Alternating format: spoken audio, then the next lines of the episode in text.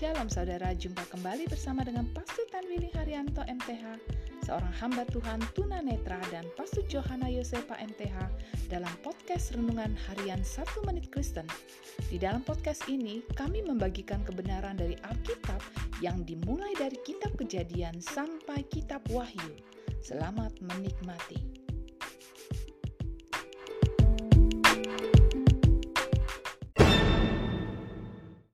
Shalom saudara-saudara yang sangat berharga di hati Tuhan. Firman Allah hari ini mau mengingatkan kepada kita bahwa kecukupan hanya dari Allah.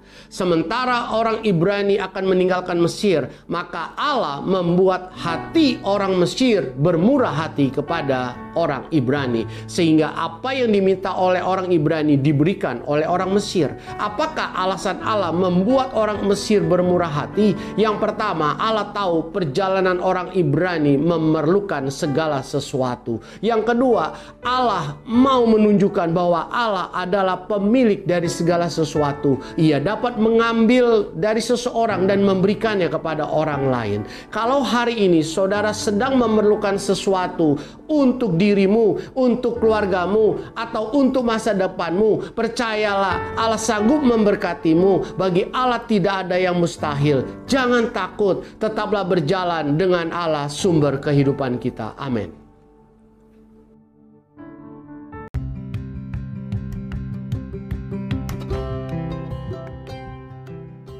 Terima kasih saudara telah mengikuti podcast Renungan Harian 1 Menit Kristen.